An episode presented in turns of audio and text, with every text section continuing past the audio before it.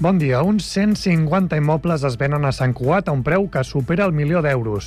Segons els anuncis publicats al portal Idealista, es tracta majoritàriament d'habitatges unifamiliars, tot i que també hi ha pisos amb aquest preu milionari. Valldoreix és la zona del municipi que amb més immobles en venda d'aquestes característiques agrupa, seguida de la zona de l'Arxiu Nacional de Catalunya i el Golf Sant Cugat. L'habitatge més car que es publicita en aquest portal costa 6 milions d'euros. La 64a marxa infantil de regularitat torna a omplir aquest diumenge a. El club muntanyenc ha exaurit totes les places amb 2.000 infants inscrits que s'endinsaran per Collserola en un recorregut de prop de 10 quilòmetres. La cita esportiva, una de les més multitudinàries de la ciutat, arrencarà a les 9 del matí al Parc de Ramon Bernils i l'ordre de sortida serà a partir del número de Pitral. L'arribada és al mateix parc. I la Setmana de la Gent Gran visibilitza aquests dies el col·lectiu. Una marxa des de la plaça d'Octavià fins al turó de Can Mates ha servit aquest dimecres per mostrar les reivindicacions de la gent gran. I la petició és clara, ser escoltats. Des del Consell de la Gent Gran, el seu vicepresident, Joan Cortadelles, demana fomentar la relació intergeneracional i formar part de la gestió de la ciutat. En el context de negociacions per investir Pedro Sánchez com a president del govern espanyol i una hipotètica amnistia com a moneda de canvi, la delegació local de l'Assemblea Nacional Catalana ha organitzat aquest dimecres una xerrada a càrrec de la presidenta de l'entitat, Dolors Feliu, per parlar sobre l'actual situació de l'independentisme i els propers passos a fer. Feliu ha remarcat que l'amnistia pot ser un parany si no s'aprofita per fer la independència.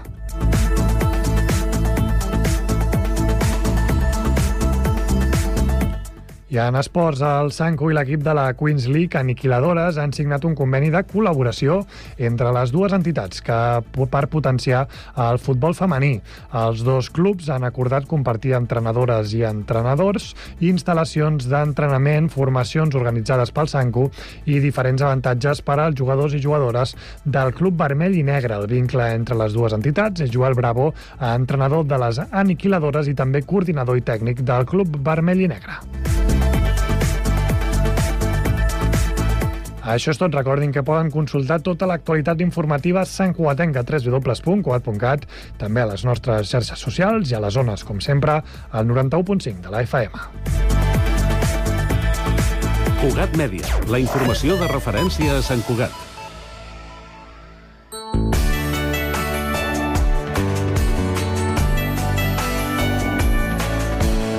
Ràdio Sant Cugat, Cugat Mèdia, 91.5 FM. Hora Sant Cugat, a Cugat Mèdia.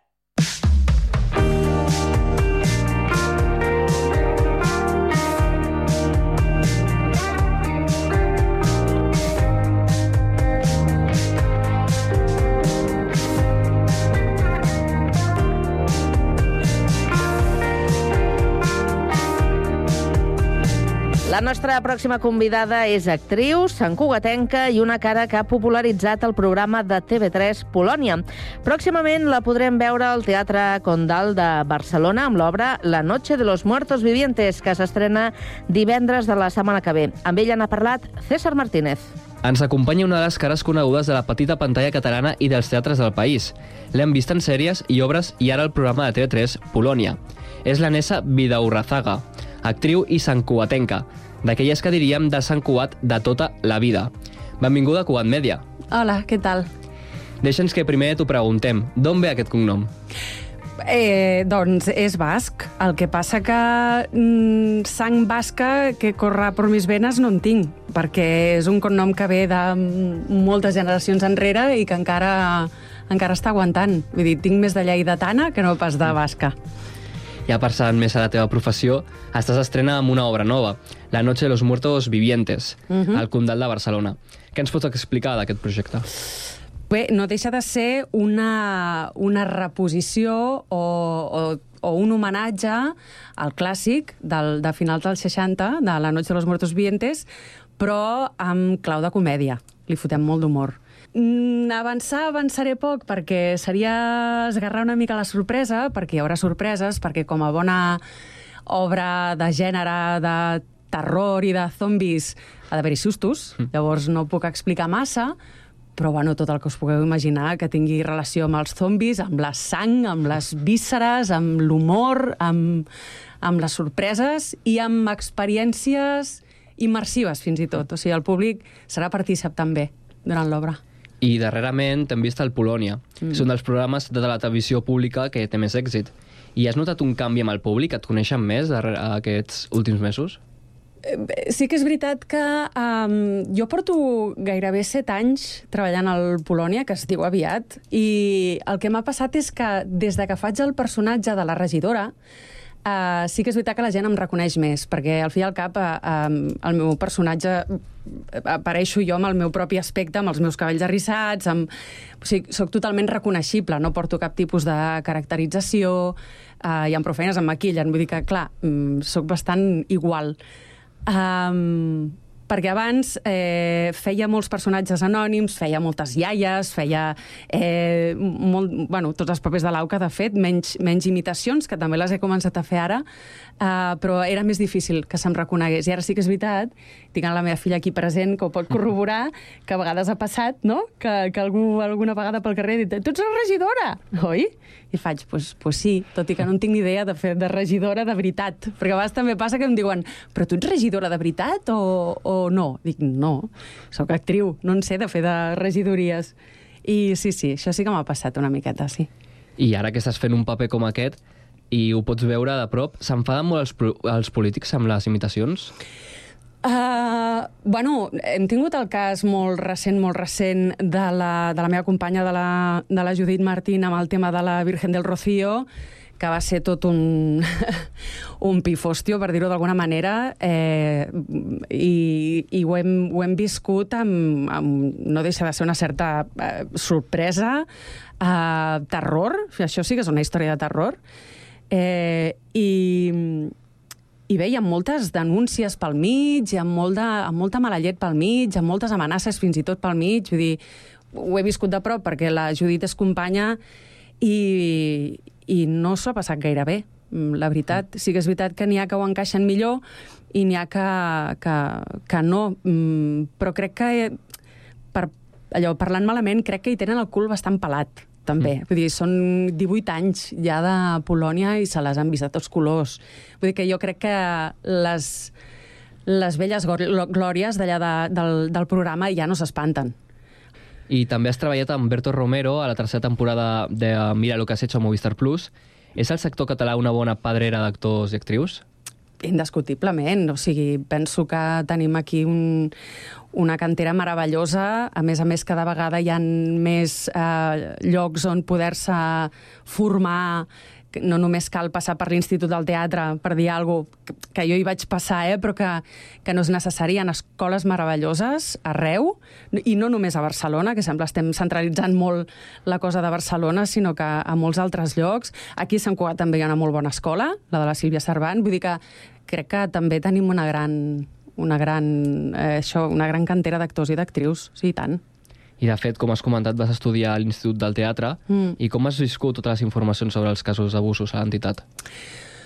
Bueno, són d'aquelles coses que Clar, jo ja fa molts anys que vaig passar per allà i que no deixes d'identificar d'alguna manera, no? Um, jo també sóc d'una altra, altra època, d'una altra generació, i no per això estic justificant, ni estic uh, ni justificant-me ni justificant uh, actituds, eh? Um, però clar, suposo que en, en aquella època hi havia determinades coses que les tenies malauradament com més assumides o més normalitzades. Afortunadament, ara corren uns temps en què la gent ja no es calla les coses, i això està molt bé. Eh, però sí, no, no, no em va sorprendre. No em va mm. sorprendre. No, no, tard o d'hora havia de passar. I més acadèmicament, quins records tens d'aquella època? Molta intensitat, però també perquè és que tot el món de l'actor i de l'actriu és que som una colla d'intensos, i més quan ets jove, mare de Déu, tu, tu vius amb una...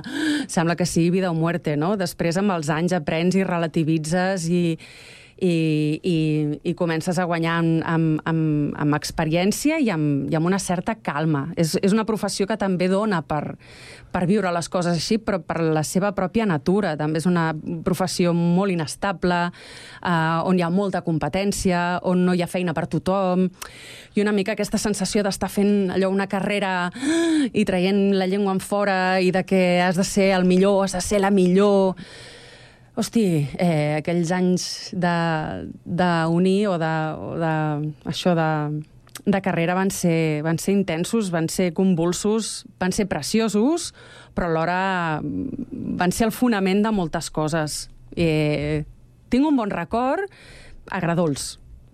Tinc un, sí, m'estic contradient. Tinc un record agradols. Sí, agradols, podríem dir. Ara amb la distància és més maco, eh? Per això, però en aquell moment vaig viure moltes coses. Clar, i tu sempre has, vas voler ser actriu? Sí, definitivament sí. Vaig començar amb la dansa i, de fet, vaig començar a fer dansa aquí, a Sant Cugat, també. En aquell moment era a l'estudi de, la, de la Pilar Roig i vaig fer dansa clàssica. En acabat, com que la dansa clàssica em resultava malauradament, amb lo bonica que és, eh, però jo que era un cul inquiet em semblava avorrida i repetitiva, vaig, vaig saltar a l'Esbart i vaig ser part de l'Esbart d'aquí de Sant Cugat també. Eh, però a mi em faltava el tiqui-tiqui, em faltava palique. I aleshores, aquí també, a Mirasol, al casal de Mirasol, vaig començar a fer teatre. I aquí ja em vaig enganxar. Em, tenia uns 15 anys, em sembla, quan vaig començar a fer teatre, 15-16 anys, i ja no vaig poder parar. I en aquest moment, amb 15-16 anys, com li expliques al teu entorn que et vols dedicar professionalment a ser actriu? Doncs mira, tinc el record d'anar amb la meva mare, que sempre ha estat una gran aliada, amb, amb, tot, amb tot el que he volgut i amb tot el que he somiat. Sempre he tingut el seu recolzament. I recordo que ella mateixa em va dur a veure la primera versió del Maricel que es va fer a Barcelona amb l'Àngels Gunyalons, etc etc. I recordo que em va patar el cervell i va acabar la funció, vaig plorar molt i vaig dir, mama, assenyalant no, a l'escenari, vaig dir, mama, jo vull fer això i no em va caler donar més, més explicacions. Estava molt clar. A més, és que ja m'ho veien. Jo de petita ja feia molt el pallasso per casa i explicava històries i em disfressava. És que es mm. veia venir. I tu com et definiries com a actriu? Hòstia, quina pregunta més difícil. És d'aquelles preguntes que els hi sents a dir amb altres i, fa, i, i escoltes les respostes i dius ah, molt, molt bé aquesta resposta, me l'apuntaré. I ara m'has pillat a, a bragues. Com em definiria com a actriu? Uh, mira, no ho sé ni mètodes ni hòsties. Vull dir, perdó, uh, soc molt juganera. O sigui, soc, de, de, com a actriu, sóc com molt fidel a lo que és l'art de l'actuació. Així com en altres idiomes, uh, uh, actuar, no? amb l'anglès mateix, és el, el to play. Eh, jo crec que sóc... Eh, bueno, em sento com més familiaritzada amb aquesta manera d'entendre aquesta professió que una altra cosa. Llavors, jo crec que a partir d'aquí una mica el que m'echen. M'agrada fer de tot, m'agrada fer comèdia, evidentment, però sobretot el que m'agrada és jugar, ser, ser proactiva, ser creativa, uh, no esperar que se'm digui sempre el que haig de fer, sinó poder proposar, mirar de fer-ho de més maneres, anar buscant... M'agrada estar activa sempre. Inés, has explicat que et vas meravellar amb Maricel. Mm. Eh, quines són els teus actors o actrius referents per, durant aquests anys? Hòstia, eh, pff, he tingut la gran sort de conèixer molta gent um, i crec que cada persona amb la que he treballat... O sigui, sóc molt soc molt d'ídols també, eh? d'ídols d'allò, de la gran pantalla, no? de, de, de grans noms del, del, del cinema americà, del, del, de, les, de les sèries angleses, sóc una fanàtica, uh, m'encanta... Uh, soc molt consumidora de sèries i sobretot de, de, de comèdia i de comèdia anglesa, que tenen més mala baba. Eh, però, però com a referents, referents, m'ha agradat sempre um, aprendre de la gent que he tingut més a prop. Um, I he estat amb, amb gent fantàstica. Vull dir, abans anomenaves el, el Alberto mateix, que va ser com un somni treballar amb ell, i veure'l en acció, i veure'l fora d'acció, fins i tot em va ensenyar més com a persona i com a professional que no pas veure'l a través de la pantalla. No? Mm. I, I això és el que m'agrada, és quan em puc relacionar amb aquestes persones, grans noms i noms que no coneix ningú, que m'han ensenyat eh, moltíssim des de, jo què sé, fent comèdies amb, amb el teatre, amb, amb el Francesc Ferrer, per exemple, que és un tio que és el Woody Allen català, amb el que no m'he pogut pixar més de riure a sobre de l'escenari, o, o l'Eva Barceló, o la Susana Garatxana, que és una bèstia parda de la comèdia i que, i que no és just perquè hauria d'estar treballant molt més, o companys i companyes del Polònia, que a part de sortir al Polònia també fan teatre i que són també unes bèsties pardes. És amb la gent amb la que estic a prop, o fins i tot el meu company. És, és el primer i gran exemple i, i model Uh, I a qui més admiro, que és el Roger Julià, que és l'home multitasking, que tant t'actua, eh, et dirigeix, com et compon música, com està al, amb el RUM fent uns espectacles de pallassos meravellosos. Vull dir que estic, estic envoltada de gent molt guai. I durant el confinament vas fer una sèrie. Va ser una època difícil per al sector. Ja podem dir que s'ha recuperat?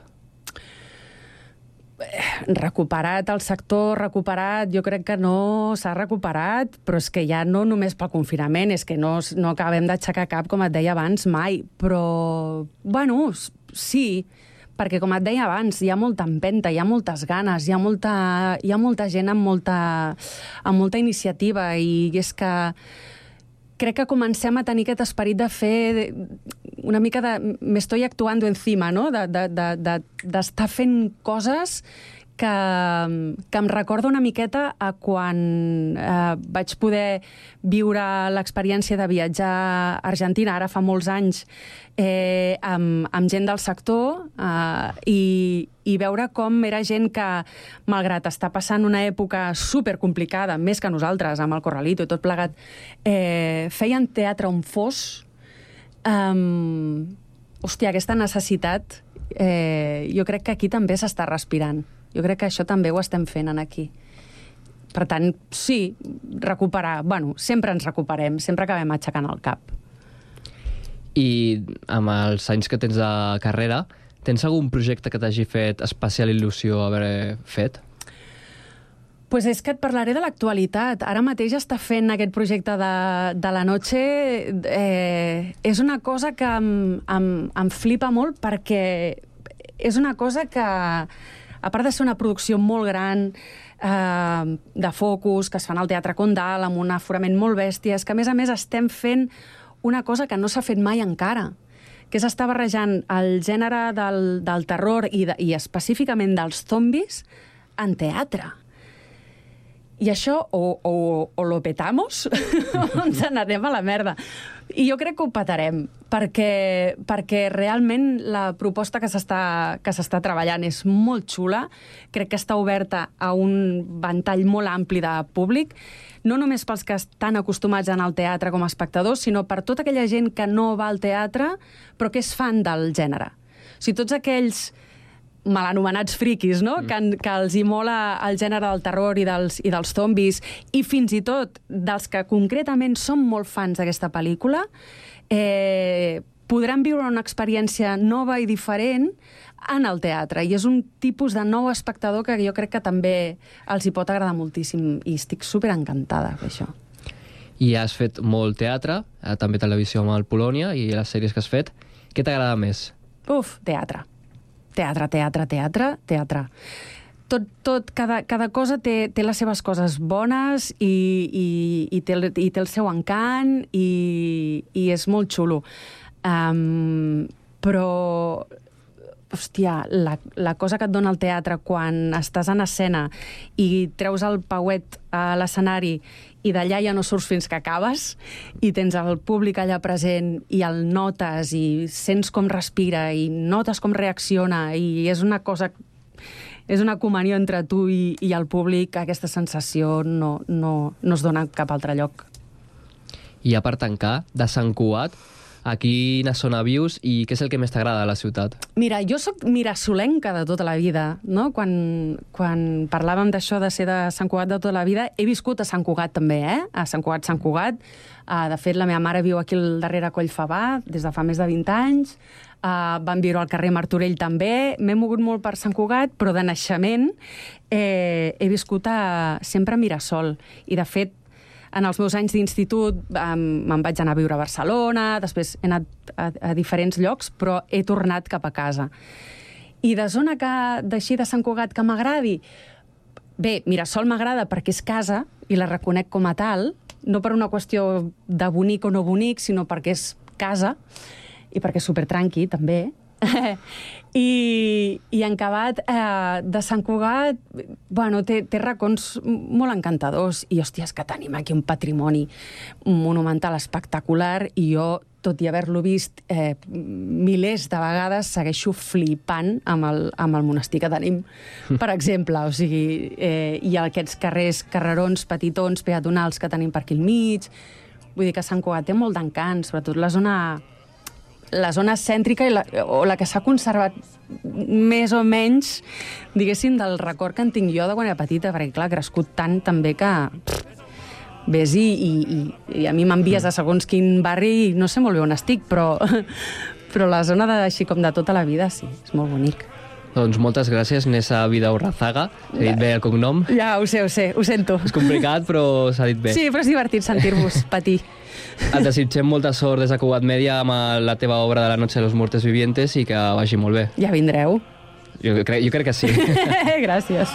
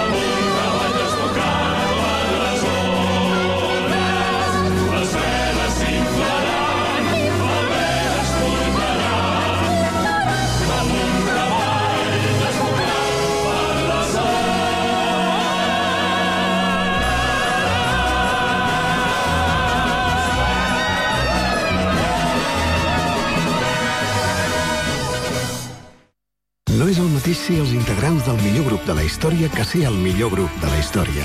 Per això, el grup català Occident serem Occident, perquè per continuar assegurant-ho tot, tot i tot, ens havíem d'ajuntar tots, tots i tots. Entra a seremoccident.cat. Molta comèdia, el programa de les arts escèniques de Sant Cugat i de Sant Cugat. Aquell que us parla, Eduard Gené, explicarà amb l'ajuda dels artistes protagonistes tot allò que representa i es cou a Sant Cugat de teatre, de dansa, de música, de màgia o de circ. Cada dijous a les 12 del migdia i reemissió a les 8 del vespre i, com sempre, pots escoltar el programa quan vulguis amb el podcast a través de Cugat.cat. Molta comèdia amb tu cada dijous per saber què pots fer al cap de setmana si t'agraden les arts escèniques.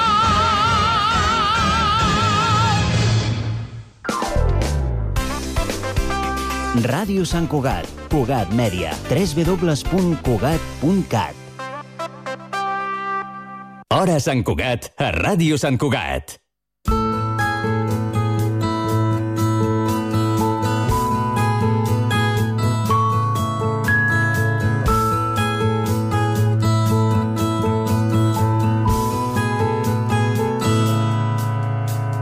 Molt bé, doncs, primer de tot, eh, Cèlia Serrades, moltíssimes gràcies per estar aquí amb nosaltres avui, aquí a Cugat Mèdia, Ràdio Sant Cugat. Doncs moltes gràcies a, a vosaltres, només faltaria. Eh, Cèlia, el primer que et volia preguntar eh, és el teu primer llibre i a les últimes pàgines dels llibres puntualitzes que potser l'últim. Eh, com ha sigut aquesta experiència de... i com, com va néixer a, aquest llibre que, que presentes durant aquests dies? Doncs mira, um, bé, jo fa 20 anys que faig periodisme internacional i he fet moltíssimes cobertures i vaig ser dos anys corresponsal als Estats Units, he viscut a Bolívia, déu nhi les coses que he fet, però la veritat és que haig de dir que uh, quan va esclatar la guerra d'Ucraïna, l'any al febrer del 2022, eh, jo era a Ucraïna amb el meu company de la Catalunya Ràdio, José Antonio Rodríguez, i va esclatar la guerra o va començar l'ofensiva russa quan nosaltres érem allà. Llavors, com que eh, hi havia molt pocs periodistes eh, catalans, espanyols que fossin allà, la veritat és que vam concentrar moltíssima atenció de milers de persones que, que ens van seguir a través de les xarxes, que ens escrivien. Va ser una a part, de, a part de tota la vivència pròpia del que és eh, estar en un país quan esclata una guerra, que a mi això no m'havia passat mai, eh, aquesta onada d'interès i de, de reciprocitat, de, de feedback de, de moltíssima gent, va ser per mi un, un sotrac emocional, professional, de, mol, de molts tipus. Llavors, quan vaig tornar, que em, em trucaven de moltíssims llocs per anar, per explicar-ho. Clar, va ser una guerra que la gent la va sentir molt a prop, perquè és, era a Europa, perquè els refugiats eren com nosaltres, la gent se la sentia propera, doncs uh, va, va, va suscitar moltíssima atenció. Llavors, va ser a partir de llavors que, entre moltes altres coses, em va, em va escriure l'editor d'Ara Llibres, que es diu Gerard, i em va preguntar si m'agradaria escriure un llibre. I li vaig dir, home, mm, no. no, no ho sé, no, perquè, a veure, a mi m'encanta escriure, però jo sempre ho he guardat per mi. Eh? És una cosa, hi ha gent que li encanta la projecció pública. A mi m'encanta el periodisme, però potser aquesta faceta tan pública em costa una mica més, no? I llavors és veritat que amb la meva família, amb el Gerard i tal, vam comentar i vam dir, ostres, doncs potser, per què no? no? És una, una experiència que, primer, que t'encanta escriure, segon, que després de 20 anys de cobertures, que fa exactament 20 anys que vaig fer la primera, a Iraq i Síria, doncs has acumulat molt bagatge, moltes històries, moltes coses que no has pogut explicar i també passades pel tamís del temps, no? d'aquests 20 anys, tens una perspectiva de la professió i del món, potser també jo he estudiat Relacions Internacionals, vull dir que potser pots aportar alguna cosa. Llavors vaig decidir fer-ho.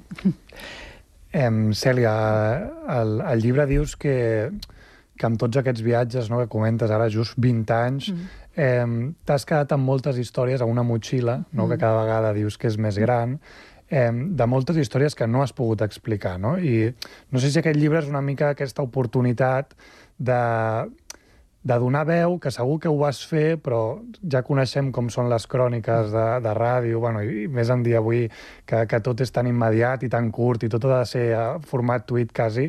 No sé si ha sigut la teva oportunitat doncs, de poder explicar aquestes històries que llavors eh, doncs, no vas tenir espai o no vas tenir temps. Sí, és una mica la meva venjança contra la dictadura de, de la brevetat, no? Eh, la dictadura de la brevetat, que jo, jo li dic així, però...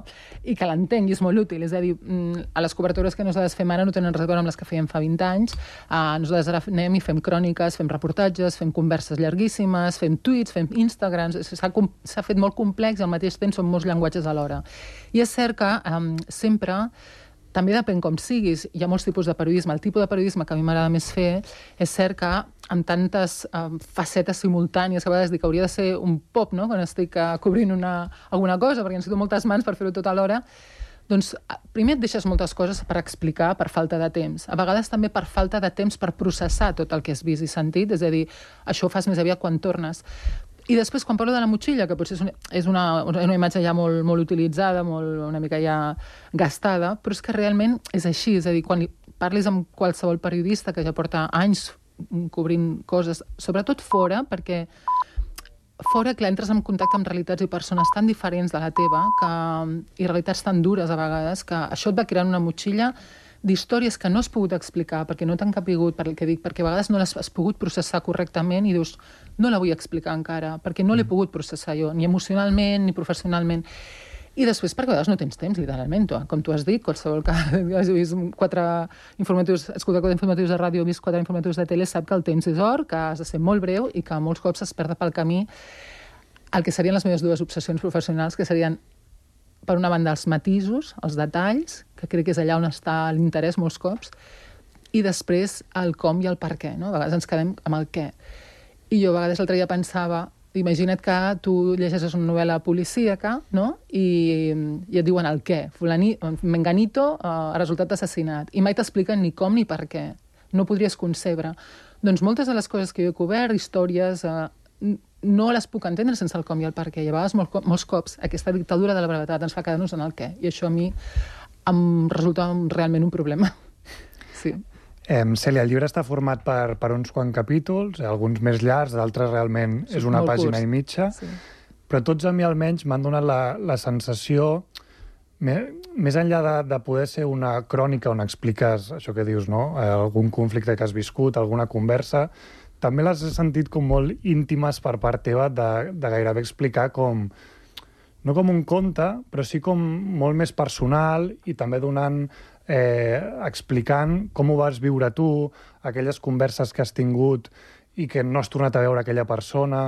Eh, per què has decidit com organitzar així el llibre?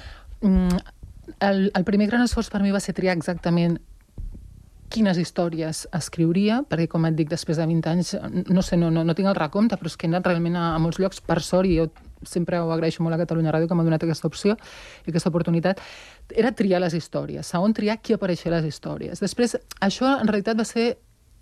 Em va, em va resultar difícil, però al mateix temps Uh, va ser una oportunitat per mi per revisar què m'havia quedat en la memòria. No? El que t'ha quedat en la memòria normalment és el que més t'ha impactat per alguna raó, i això és molt personal. Després vaig haver de, de, de recuperar molt material antic que tenia guardat, recuperar records a través de fotos, etc. No? Però és cert que la meva intenció era um, relatar... Jo, coses, hi ha històries d'aquí que jo les he explicat a la ràdio, però amb un altre to, amb un altre format, mm. molt més informatiu, molt més uh, impersonal, si vols, per part meva.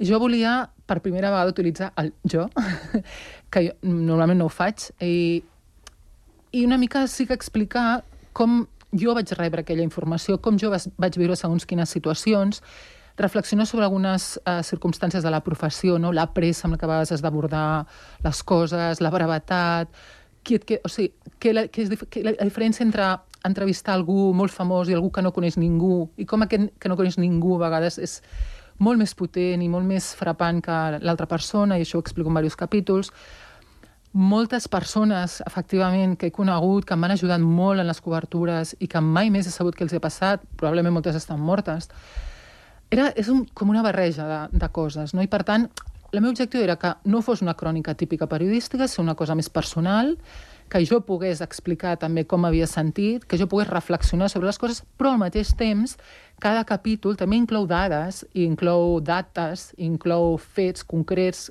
per abordar diferents problemes que ja jo crec que avui són els que marquen el món d'avui. No? En el, en el referent que dius ara de, de les dades, eh, mm. això m'ho vaig apuntar perquè hi ha un moment a la pàgina, a veure, ara, ara no ho trobaré, però, però sí que és veritat això que dius, que a part de les dades, que intentes anar molt més enllà perquè a vegades si només ens quedem amb, amb aquestes dades i amb aquests números, és com que es deshumanitza una mica, no?, tot plegat. I, I sí que és veritat que amb el llibre, tot i que, repeteixo, té, té aquesta t'aporta aquestes dades de, de crònica periodística, de, encara que sigui curt, doncs et pots fer una idea no? també d'aquests conflictes que, que has anat a cobrir, però, però va més enllà no? de només números i de han mort tantes persones mm. mentre manava tal senyor. No, clar, eh, hi ha conflictes, eh, però conflictes armats oberts, no, n'hi n'hi ha un parell que, mm, així de memòria. Després hi ha altres conflictes, postconflictes, conflictes soterrats, tensions eh, d'aquelles que duren eh, dècades, i després altres reptes que hi ha al món d'avui, no? la crisi climàtica, la desigualtat social, que és un repte molt gran i que està provocant una fractura ina- entre diverses parts de, del món molt difícil de, de solventar i que això provocarà molta conflictivitat present i futura. Hi ha uh, la sobrepesca i després hi ha un tema que jo he, he estudiat o me l'he mirat amb, a fons, que són les migracions. Llavors, de migracions, per exemple, que és un tema que he tractat molt en els, en els últims anys, um, és un exemple del que tu estàs dient. És a dir, jo en el, en el llibre he posat gràfiques, he posat dades, perquè la meva intenció també és que una persona que igual no segueix molt l'actualitat o que no, o no és com jo, que estic allà tot el dia mirant informes, no, no només faltaria, cadascú té la seva feina, doncs es pogués fer una idea d'aquell problema com molt breument, no? tenir una fotografia d'aquell problema i com aquell problema afecta determinades persones, determinats països, etc. I llavors, en el cas de les migracions, per, per exemple, per parlar de les dades, jo crec que les dades són importants, perquè les dades, diguem, donen un, una base per explicar una cosa. Però les dades sense context són a vegades enganyoses, fins i tot. No? És a dir, si tu dius, uh, per exemple, aquests dies estem sentint molt totes les arribades a Lampedusa, a l'illa italiana de, de Lampedusa, on arriben moltíssims migrants que venen del nord d'Àfrica, sobretot de Tunis i de Líbia. Si tu dones una dada freda i dius, aquest any estan arribant a través de la Mediterrània a Europa, uh, crec que ara estem sobre 150.000 persones. Clar, és molta gent, 150.000 persones. Clar, has de posar en perspectiva, no? Dir, bueno, 150.000 persones respecte als anys anteriors que ha representat, que representen un continent com l'europeu, realment eh, tenim capacitat per integrar i absorbir aquestes persones si hi hagués un consens europeu. És a dir, hi ha moltes coses que s'han d'explicar darrere les dades. I el que és important també és que eh, hi ha missatges interessats i manipulats penso jo que diuen oh, tenim una invasió, ens estan envaint no? gent d'altres races, d'altres cultures, d'altres religions i és bo saber, per exemple, una dada que no, no, no paren de repetir els experts sobre les migracions, que és que un 80% de les moviments migratoris que es produeixen al continent africà es queden al continent africà. Per tant, la gran majoria dels africans que tenen problemes per sobreviure, han perdut el seu hàbitat, sequera, guerra, etc, no tenen cap intenció de venir a Europa, perquè la gent no vol deixar casa seva, ni vol deixar la seva família ni la seva terra perquè sí. Llavors això és el que hauríem d'entendre. I jo crec que aquest context ens ajuda a entendre molt més la, les, les coses, els fenòmens, que no una dada sola, que allà sola doncs, no crec que expliqui gaire res. Em, tornant, eh, Cèlia, al, al fet de que has comentat abans de, de poder parlar amb persones anònimes, però que al final el seu relat a vegades acaba sent més potent que, com deies, no? d'algú famós o algun càrrec, etc. Com és eh, tenir, portar tantes converses amb tanta gent anònima que al final aconsegueixes parlar de temes que segurament han parlat amb molt poca gent, no? que jo crec que a vegades eh, quan, quan pots connectar amb algú que t'explica els seus problemes, arribes a un, a, un, a un punt de connexió interior amb una persona que potser no, d'aquelles coses no has parlat amb, amb algun amic o amb algun familiar, no? Però com és després deixar-ho i no saber res més d'aquella persona? Clar, és, és, això sí que jo ho vaig voler tractar en el llibre perquè per mi això a vegades ha estat molt difícil. Um, per exemple, en el capítol de Bòsnia parlo, no?, la diferència entre, mina, entre entrevistar amb, amb la presidenta de les Manes de Srebrenica, que és, un, és molt famosa i, i compareix contínuament a fòrums internacionals i l'entrevisten contínuament, o parlar amb una senyora que tenia una botigueta a Srebrenica, que, si, bueno, si no ho recordeu, doncs va ser escenari d'una de les pitjors matances de la guerra de, de Bòsnia. Doncs la diferència, l'empremta que això va deixar a mi, i com jo me'n recordo sovint d'aquella senyora que tenia aquella botigueta, i m'ha quedat a dins per la seva tristor, per, la seva, per com explicava la, una història que era horrorosa. I, i clar, jo, per mi hi ha hagut moments que m'he sentit realment malament, no? perquè quan parlo de la pressa o de, o de, o de les exigències del periodisme d'avui, que, clar, quan tu has de fer un tuit que és tan curt, la vida és molt blanc o negre a Twitter, saps? Sempre, clar, perquè no tens temps de matisar. I, i com reculls moltes coses que t'expliquen amb, amb una visió tan blanc o negra de, del món. Per mi és molt difícil fer això. I llavors, mm, aquelles persones que en un moment donat han decidit confiar en tu, malgrat que no et coneixen absolutament de res, que a vegades hi ha una barrera idiomàtica, cultural, socioeconòmica, mm, enorme, hi ha vegades que aquella barrera realment no es pot creuar, és molt difícil. Jo, per exemple, parlo quan vaig visitar el camp de refugiats de Dadaab, que és un camp de refugiats dels més grans del món, que està a la frontera entre Kenya i Somàlia, i ja fa anys, això l'any 2007, me'n recordo que quan anàvem caminant pel camp de refugiats amb el José Antonio, que és aquest, el meu company que és tècnic, i hem fet alguns viatges junts, hi havia tota la gent ens mirava i jo pensava, què deuen pensar de nosaltres, aquests dos blancs aquí passejant-se per aquest camp? Que en realitat era com ridícul, jo penso, per ells devíem ser mig ridículs. O quan vas a un camp de refugiats i comences a mirar entre les tendes dels refugiats i penses, bueno, és que gairebé sembla que estigui en un zoo, no? aquí buscant una història peculiar, una persona diferent, amb... et pot resultar incòmode. I llavors, clar, i després això per una banda, i quan te'n vas, que tu te'n vas i tornes al teu món, i ells continuen, i hi ha gent que continua anys i panys i tota la vida en aquelles circumstàncies.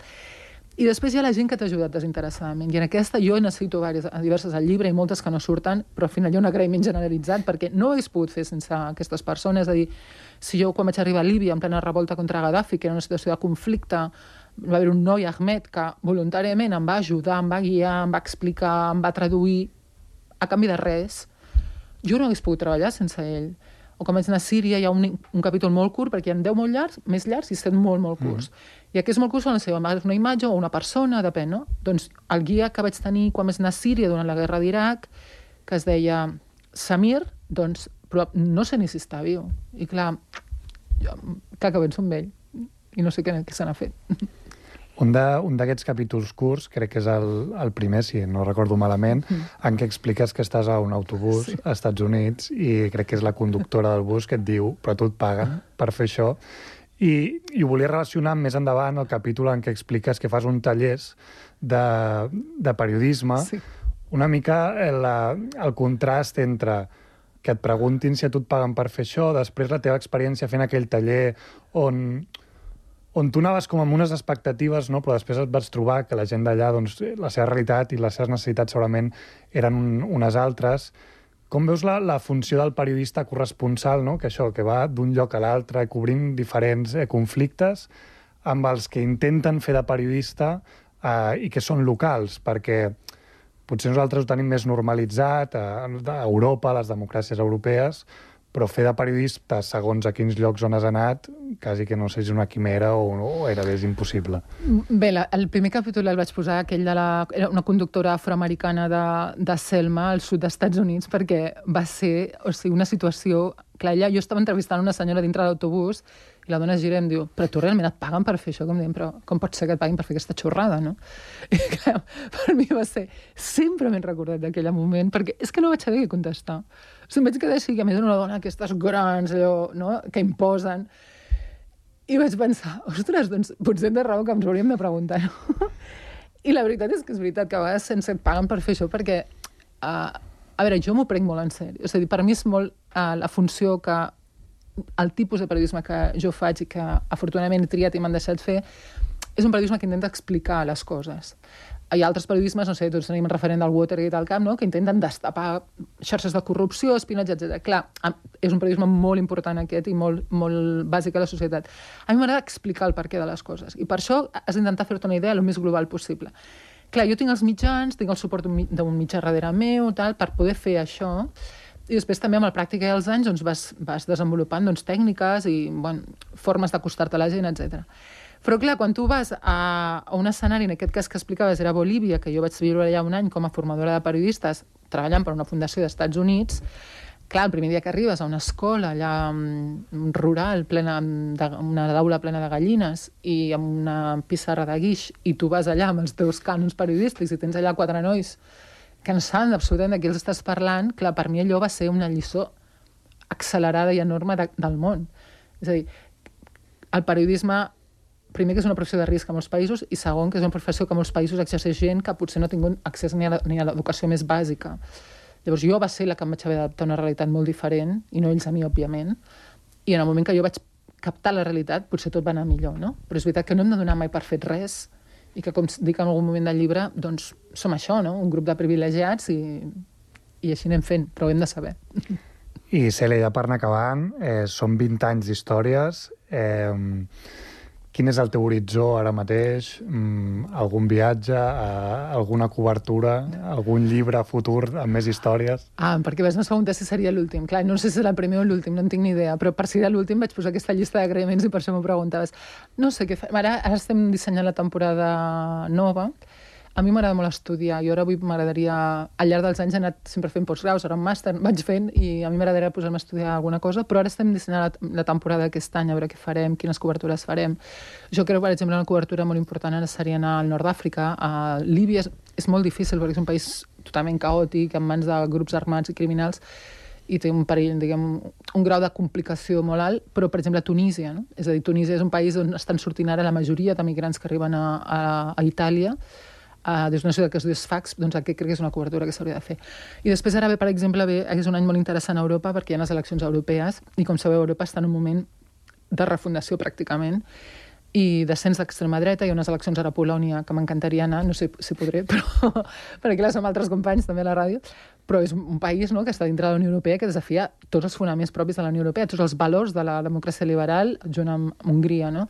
Per tant, jo crec que el procés que està fent Europa, no cal a vegades anar a llocs superlluny i exòtics, no. El procés que està fent Europa és molt important i de fet ens toca molt de prop i també és un símptoma i, i una, un reflex de la, de la realitat, una mica de la deriva que està vivint el món, no? de qüestionar moltes coses que donaven per fetes, de llibertats, de drets, de, de principis fonamentals, d'institucions democràtiques. I això va començar a molts països, va arribar als Estats Units amb Donald Trump i s'ha extès de forma fulgurant. Per tant, és un altre procés que m'interessa molt seguir. I ara sí, Cèlia, ja per acabar, eh, amb quina història et quedes de les del llibre? O alguna que no és que sigui la que més t'agrada, però, però que potser t'ha marcat més o que tens un record més, més viu? Home, oh, que difícil això, no? Perquè, clar, totes les que he escrit potser és per, perquè totes m'havien uh, impactat. Home, com a personatge um, recordo molt, molt, molt i sempre és un personatge que és el, el, la història que es diu el, el periodista que no sabia llegir mm.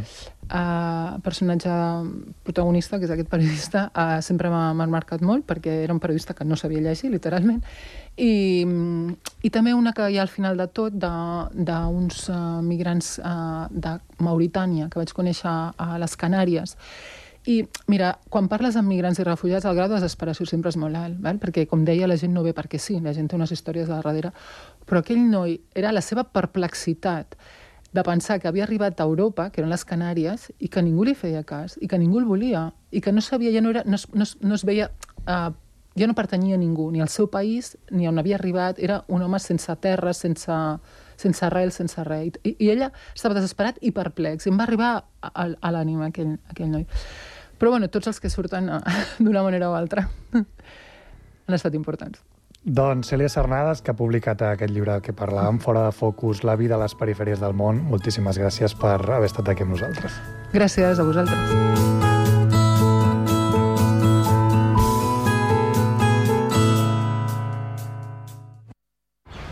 Estàs pensant a posar plaques solars a casa teva? Doncs passa't a l'energia solar de manera fàcil i segura amb la Teulada, experts en energia solar i el nou espai d'assessorament per a la ciutadania i les empreses. Informa't a la teulada.amb.cat o contacta'ns per WhatsApp al 645 725 465. La Teulada és un servei de l'AMB finançat amb el Fons Europeu de Desenvolupament Regional. AMB, Metròpolis de Barcelona. Cugat Mèdia ofereix un servei per rebre l'actualitat més destacada de Sant Cugat a través del WhatsApp. Què rebràs? Les notícies més importants, els avisos d'última hora o les incidències de la teva ciutat. La informació més propera al teu mòbil. Com et pots subscriure al canal de WhatsApp? Envia un missatge de WhatsApp que digui alta al 673 172 075 i segueix les instruccions de subscripció. L'actualitat més propera al 673 172 075.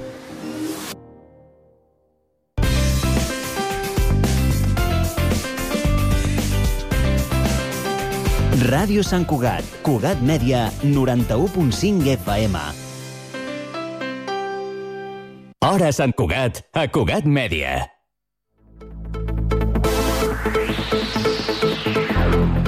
L'altre esport, amb Eli Jiménez. Ens retrobem una setmana més en l'Altre Esport, el programa que us apropa als esports minoritaris de casa nostra. I avui, aprofitant aquests últims dies de bon temps, abans que arribi el fred, parlarem de refugis de muntanya.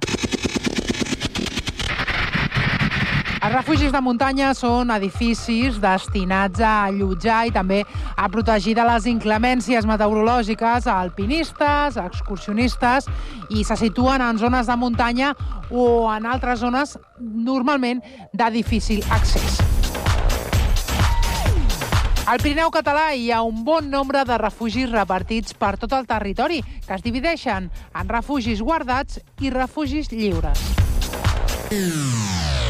Una gran part dels refugis guardats estan gestionats per la Federació d'Entitats Excursionistes de Catalunya. Són bastant grans, ofereixen una sèrie de serveis bàsics i estan oberts a l'estiu i en períodes de vacances. En l'absència del guarda, a més d'aquests refugis guardats, tenen un espai per a unes poques places que es fan servir també com a refugi lliure.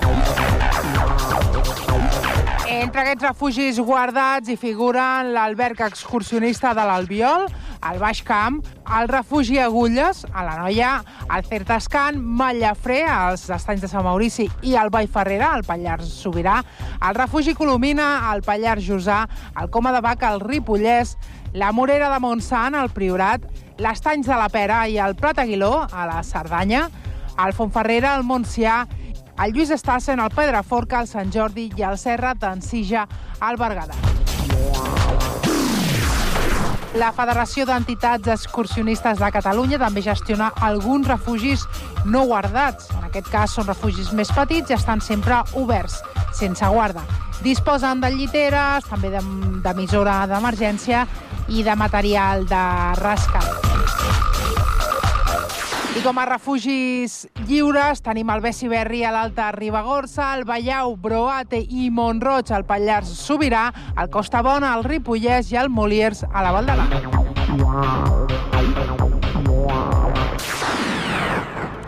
Dit això, ens endinsem ara ja sí en aquests refugis de muntanya de la mà de l'Oriol Soler, d'Orient Guies de Muntanya. Amb el nostre convidat hem començat fent una petita introducció i diferenciant els refugis guardats dels lliures. Un refugi de muntanya, al final, és un edifici al mig d'un espai natural que ens servirà per protegir-nos del mal temps i o poder planificar això, rutes més llargues i, i de diversos dies. La gran, eh, els dos grans grups que tindríem serien els guardats o els lliures.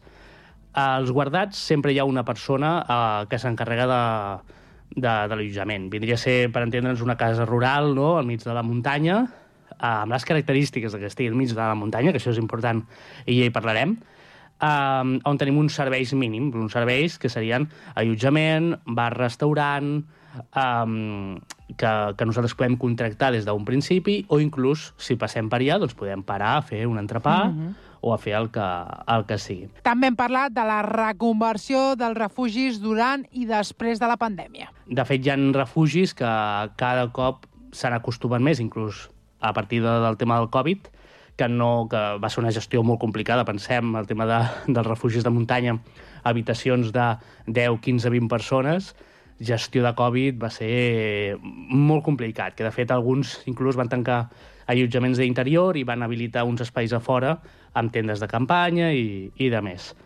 Doncs han, a partir d'aquí es va proposar uh, fer sobretot àpats. I ara inclús alguns allotjaments, alguns refugis de muntanya han deixat no a banda, però han, han obert una altra, com una altra manera, una altra línia de negoci, que és el, el tema dels àpats, de- d'anar a menjar a un refugi de muntanya. Alguns exemples són els refugis de la Serra d'Encija, de Udater i el Lluís Estassen, que està just a sota del Pedraforca. I allà és típic pues, anar a fer la paella de muntanya i, i de més. No? Aleshores, ja no és tant el, el tema de, de contractar l'allotjament, no? de fer la pernocta, sinó d'anar a, a, a fer la ruta d'un dia i aprofitar i dinar un bon, un bon tiberi no? allà al mig de la muntanya. Anem ara amb un dels temes més controvertits, els preus. Què passa? Els preus varien també depenent de, de les característiques del refugi. No? Està clar que normalment els preus, per exemple, de la només per nocta jo diré que estan entre 10 i 20, avui dia ja estan més cap als 20, perquè sí que és veritat que abans doncs, amb 10 euros pernoctaves, dormies a, en el refugi i, i el dia següent marxaves. Però ara és veritat que les- s'ha encarit una mica. Uh, hi ha l'opció de pernocta o hi ha l'opció de pernocta més esmorzar, esmorzar i dinar o pensió completa, no? que pensió completa ja ens aniríem a 50, 60, 70 euros depenent del refugi. I la pregunta és per què és tan car tot això, no? Uh, normalment hi ha la, la típica, el que ens ve al cap, no? la Coca-Cola de 3 euros de, del refugi de muntanya. la resposta és com ho porten allà, bàsicament. Ja sigui amb helicòpter, uh, portant-ho al, als, als guardes a l'esquena durant la ruta que hi hagi des del cotxe fins al propi refugi, en refugi dos, tres hores carregant les Coca-Coles, l'aigua, el menjar, eh, l'arròs per la paella, tot a l'esquena, amb burros, per sort això es va, cada cop es va fent menys, però bueno, bàsicament és mm, quines maneres tenen de portar tot el que nosaltres utilitzarem en allà, tot el que nosaltres necessitarem, fins al refugi. Per tant, per això s'encareix tant el, el, el menjar i, i el, el cost d'allà. Hi ha el, el, la part del refugi, ha la part del, del menjar, inclús alguns, eh, tot i que es va adaptar molt en tema del Covid, però també tenen, ja tenien, la zona de pernocta de zona d'acampada, que bàsicament doncs, és una zona en un espai protegit, com pot ser, per exemple, un parc nacional, que no es podria acampar, al costat del refugi tenen un espai habilitat on sí que podríem acampar i aleshores, per tant, s'ha de fer algun, algun tipus de pagament. Uh, sempre serà molt més econòmic que, per exemple, pernoctar dins del, del refugi. Parlem també de la diferència entre acampada i pernocta. Com a norma general, la paraula acampada està prohibida. No es pot acampar. I eh, en el cap hem de tindre acampar vol dir muntar la tenda, muntar les taules, les cadires, eh, l'hamaca, no? fer un campament. Campament està prohibit en, en tot espai natural. Sí que és veritat que cada comunitat autònoma, per exemple en Espanya, eh, té la seva normativa, però en general la- l'acampada està prohibida. El que sí que es pot és pernoctar, que pernoctar seria de 8 a 8, és a dir, des de que es pon el sol, quasi bé, fins que torna, torna a sortir. Dins d'aquest horari representa que és eh, supervivència, no? És, jo estic fent una ruta, necessito algun lloc on, on poder dormir còmodament. Doncs en aquesta situació sí que puc muntar una tenda. I jo puc programar una ruta d'alta muntanya on hi hagin uns espais on jo dormiré, però sempre dins d'aquest horari i que simplement el dia següent a les 8 del matí jo recullo i ho deixo exactament igual sense, sense haver modificat l'entorn. Um, algunes comunitats, per exemple, uh, com Astúries, um, només deixen acampar a partir de 1.500-1.600 metres d'alçada.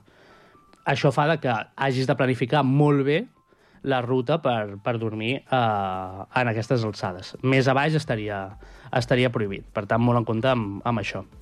I després hi ha- hi hauria l'altra opció, que és no portar tenda i fer bivac. Bivac, al final, és dormir al ras, es portaria igual que en, en una tenda doncs, la màrfaga i el sac, i aquí el que se li podria afegir és una funda de sac, una funda de bivac, que és un plàstic que transpira, els, els més bons, i dormiríem al ras. Hi ha gent que el que porta és un tarp o un plàstic addicional per poder ficar a sobre i fer una miqueta de toldo en cas de pluges o que gires el temps. Clarament, si anem a fer bivac, hem de saber-ho fer, que al final és molt fàcil, és estirar-te un lloc i, i dormir, però hem de mirar si ens tocarà el vent, no ens tocarà el vent, la, la previsió meteorològica és superimportant, no és el mateix passar una tempesta en una tenda, dins d'un refugi, o al ras. Aleshores, molt en compte amb això perquè mm, no podem anar aquí a la muntanya directament a, a dormir en bivac perquè podem, podem tindre bastant serios problemes. I avui ens acomiadarem amb les rutes de refugis més típiques de Catalunya. Ho deixem aquí i ens retrobem en dues setmanes. I per últim, eh, rutes típiques de, de refugi, no? Rutes amb refugis podem tindre moltes, ja ho hem comentat al principi, de que podem fer rutes d'un dia, jo vull anar a fer un cim, i, i si el, el desnivell és molt alt, doncs tinc opció de, de dormir a la meitat i, i fer-ho en dues etapes, o ja sigui per necessitat o per gust, no? Al final, doncs també és una experiència anar a dormir en un refugi i molta gent ho, ho aprofita. Les dues típiques rutes que tenim a Catalunya de, de refugis, no? que vas alternant diferents refugis, serien la que ja hem comentat alguna vegada, Cavalls del Vent i Carros de Foc. Cavalls del Vent està al Parc Natural del Cadí Moixeró, són 85 quilòmetres la ruta més llarga amb 5.600 metres de desnivell, per tant, ja déu nhi i són 8 refugis. O interessant d'aquestes travesses que tu pots fer la travessa sen- sencera de Cavalls del Vent, pots fer mitja Cavalls del Vent, o pots fer simplement enllaçant la ruta de cotxe a cotxe, important, doncs fer un o dos dies de, de ruta. Però en allà ho veus que està tot molt ben senyalitzat i, i és molt fàcil de gestionar el tema dels refugis a partir d'un mateix portal de, de reserves. I l'altra opció seria Carros de Foc, el Parc Nacional d'Aigües Tortes, l'únic parc nacional que tenim aquí a Catalunya, que serien 65 quilòmetres la ruta més llarga, 9.200 metres de desnivell, i aquí ens trobem nou refugis diferents. I és les mateixes característiques. Podem fer tot a carros de foc, mitja, o eh, fer nosaltres la nostra ruta que, que ens interessi per, per la zona, alternant un... Ràdio Sant Cugat,